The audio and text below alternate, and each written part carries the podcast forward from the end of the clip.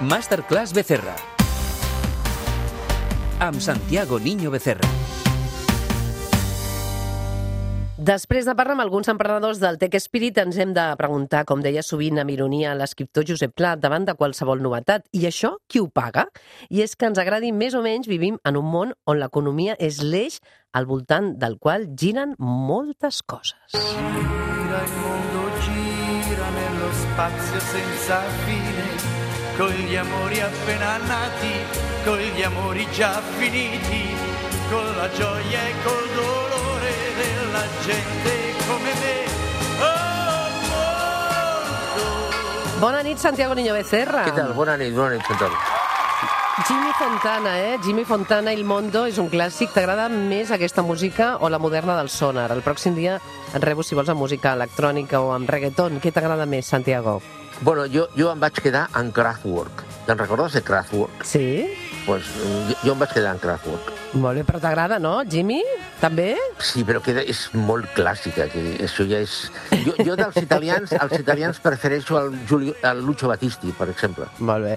Escolta, parlant d'agradar, Santiago, t'agrada això que escoltarem ara? El Banc Central mantindrà els tipus d'interès baixos perquè no tenim dret a decidir.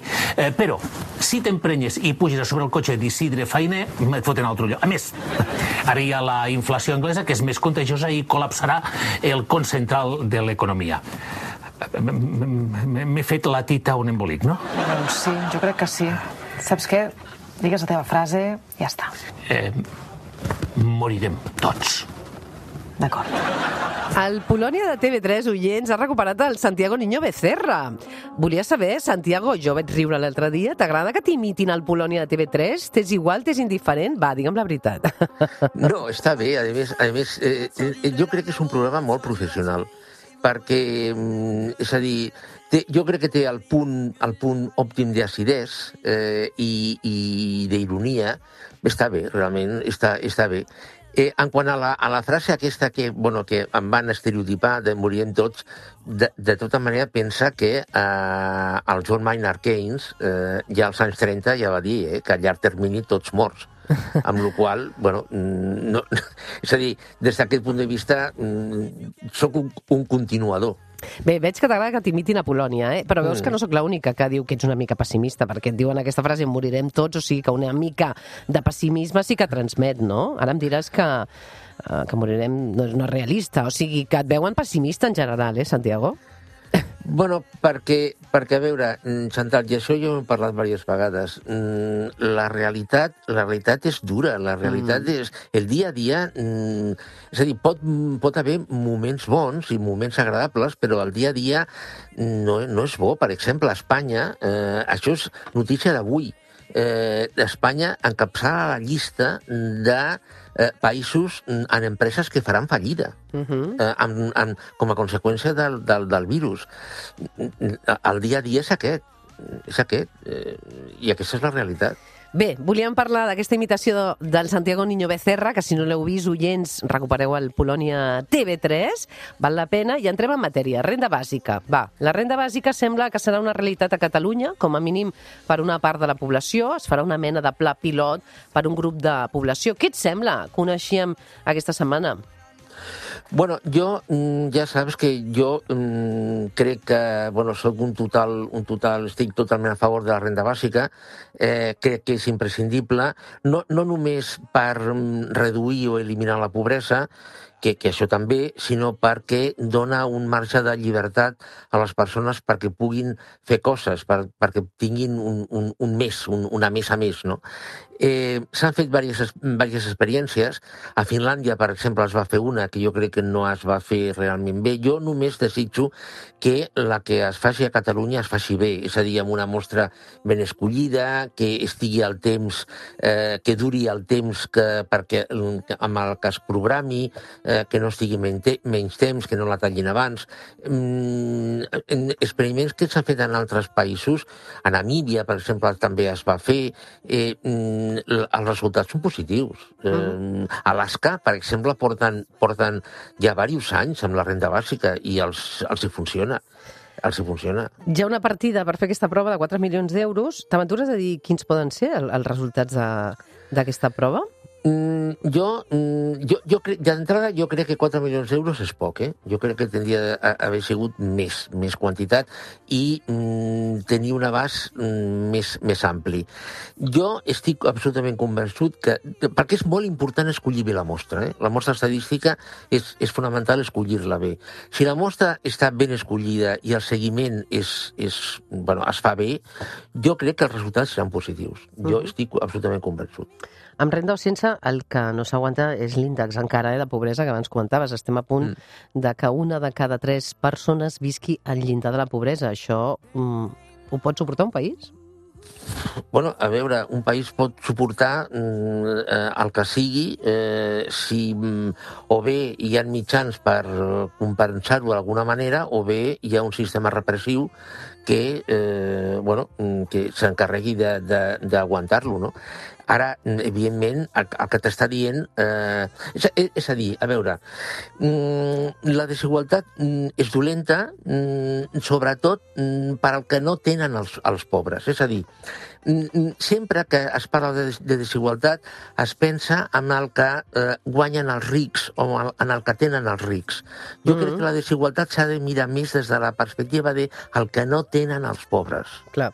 És a dir, que el senyor Amancio Ortega mm -hmm. tingui els diners que tingui, hòstia, pues em sembla molt bé i que li baixi de fàbula. És a dir, jo, jo eh, el, que, el, que, el que em preocupa és que mm, aquí a Catalunya hi hagi persones que no arribin als 5.000 euros a l'any. A, a, això és el que és preocupant. Aquesta desigualtat hi ha més notícies que no ajuden, no? perquè la coneixem també la setmana passada, l'empresa de Vilanova i la Geltrú, Male, el sector de l'automoció tanca, 345 persones a l'atur, i això que les xifres d'ocupació diuen que anem bé, no? i es diu que la campanya de Nadal eh, serà un, un festival de consum, es diu que es consumirà. Llavors, en què quedem? No? Anem bé o, o només van bé uns quants, com ara ens explicaves? Bueno, a veure, el cas de Male és que ja has posat un exemple que és, és, mm, vull dir, és molt, molt concret. No? És a dir, Male és una empresa que fabrica mm, components per l'automòbil, és una empresa que mm, bueno, ja, ja ha tingut problemes, eh, aquestes empreses estan anant eh, o bé cap a, cap a països, mm, sobretot abans, molt baratos o bé eh, estan en reconversió perquè un automòbil elèctric té eh, menys peces eh, i necessita menys persones per treballar. Mm, clar, l'automòbil en general és un, un, un sector que està mm, en reconversió i cada vegada anirà més a aquesta reconversió. Mm, això és un tema. Per, per altra banda, està el, el, que, el, que, el que deies. A, a veure, mm, amb tota, tota la campanya aquesta d'aquest any, eh, parlo del Black Friday, de les festes de Nadal, etc etc, s'està posant mm, l'accent en el tema del eh, estalvi eh, que s'ha generat, l'estalvi forçós que s'ha generat durant el, el període de confinament. Eh, a, a veure, mira, l'altre dia, mm, l'altre dia vol dir eh, fa una setmana. Vaig llegir un article, perquè jo, jo em preguntava, bueno, sí, vale, ha hagut estalvi, però qui ha estalviat? Perquè, clar, és a dir, mm, tu parles amb la gent i, i no sembla que la, la gent hagi estalviat tant. Eh, bueno, doncs el, el, el 66% de l'estalvi ho ha estalviat el 20% de la població. I saw the fire in your eyes. I saw the fire Santiago, i no parem de conèixer sectors que diuen que no poden més. Per exemple, molts agricultors, com el de les ametlles, és sostenible que l'agricultor, ens preguntem avui, cobri en 3 jo pagui 10 i, per tant, entre mig hi hagi 7 euros que van a no se sap on? Bueno, perdona, sí que se sap on. Eh, se sap que va als intermediaris. Els intermediaris, eh, evidentment, dir, sí. Mira, concretament el tema de l'agricultura, a més, mm, és un tema que conec una mica perquè mm, conec una persona que està molt ficada en el món de la... De la no de la distribució, I què et diu? I què et diu? De la... Perdó? I què et diu? Bueno, aquí està, hem parlat bastant d'això, eh, i el problema, o sigui, hi ha dos problemes. Primer, que hi ha una atomització molt gran de petites empreses, és a dir, mm, es tindrien de, els productors es tindrien de concentrar mm, a base de cooperatives, eh, acords, digue com vulguis, eh, per tenir més força en la negociació, i per altra banda, possiblement tindrien de fer una sèrie d'inversions eh, per poder oferir un producte, el producte una mica elaborat. Per exemple, l'exemple que tu has posat, l'ametlla. La- L'ametlla que compren el, a, els pastissers, els torronaires, etc etc, és una ametlla que està processada, està pelada, està, bueno, ja, ja no té la closca, etc etc. no? Clar, els agricultors venen la- l'ametlla en brut, eh, potser, eh, potser mm, els, els agricultors ja tindrien de fer una, una, almenys una transformació per guanyar una mica de valor afegit. Sí, és Perquè, que a més clar- els agricultors, clar, um, tenen el tema també, no? Ja, els transportistes per també eh, han anunciat vagues, eh, la pujada de, de carburants, per tant, es barregen molts conceptes, no?, en, en Sí, aquest, a, en a aquest veure, tema. sí, en, en, a- el tema del transport és una altra història. És a dir, clar, els combustibles han pujat, eh, amb la qual el, el cost de transport ha pujat i això s'afegeix al, al cost del, eh, del, del producte i, a més, s'afegeix l'increment de l'electricitat. Perquè, per exemple, és que això mm, sempre tampoc ens adonem. Quan una persona compra un enciam que està empaquetada, per empaquetar aquell enciam o aquell paquet de tres enciams s'ha utilitzat electricitat. Eh, amb la qual doncs, bueno, el cost d'aquells enciams també ha pujat. I, i, el, i quan s'ha transportat un camió ple de paquets d'enciam, doncs, bueno, aquí ha hagut un increment de cost en el, en el transport. No? És a dir, mm, tot això, una de dues, o l'empresa o les empreses ho absorbeixen, amb la qual els seus marges baixen, o bé això ho repercuteix sobre, es repercuteix sobre el producte final uh -huh. i el, val- el, el valor de compra el, de, de les, dels salaris baixen, perquè els preus pugen. I, de fet, això és el que està passant. Uh -huh. Volíem parlar dels agricultors i també volem parlar d'on farà la recuperació, no? perquè la presidenta del Banc Central Europeu, Cristina Lagarde, ha dit que la recuperació s'està frenant, els preus de l'energia, que n'hem parlat moltes vegades, els problemes de subministrament, que també n'hem parlat molt en aquesta masterclass del Santiago Niño Becerra. A veure si al final tu tindràs raó quan dius, eh? Perquè ara, eh, dius a vegades no ens en sortirem fins al 2025, no? Quan també diu que aquesta recuperació està sent més lenta, no? Tot i que estem... Sí, a, a veure, això, això també mm, ho hem parlat en altres programes. És a dir, la, la, la, aquesta... aquesta mm, a veure, a veure el, el 2012, mm, i sobretot a partir del 2014, es va començar a injectar una quantitat de diners terribles en el sistema perquè el Banc Central Europeu va començar a comprar deute públic i, i també privada. Per exemple, pràcticament tota la deuta pública que va emetre l'any passat a Espanya el va comprar, la va comprar el Banc Central Europeu.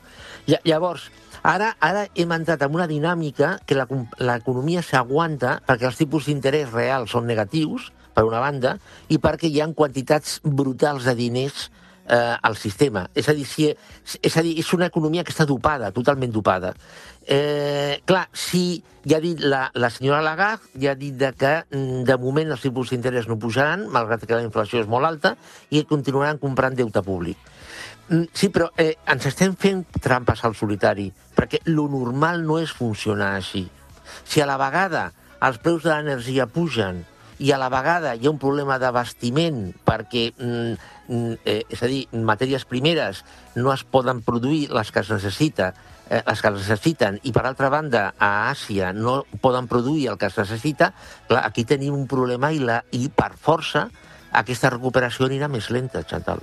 Molt bé, per anar acabant, eh? Uh, com veus el nou acord entre el govern i els sindicats per augmentar les cotitzacions per garantir les pensions? Els empresaris ja han dit, eh, recordem, que ni parlar-ne i van marxar de la negociació. Qui té raó?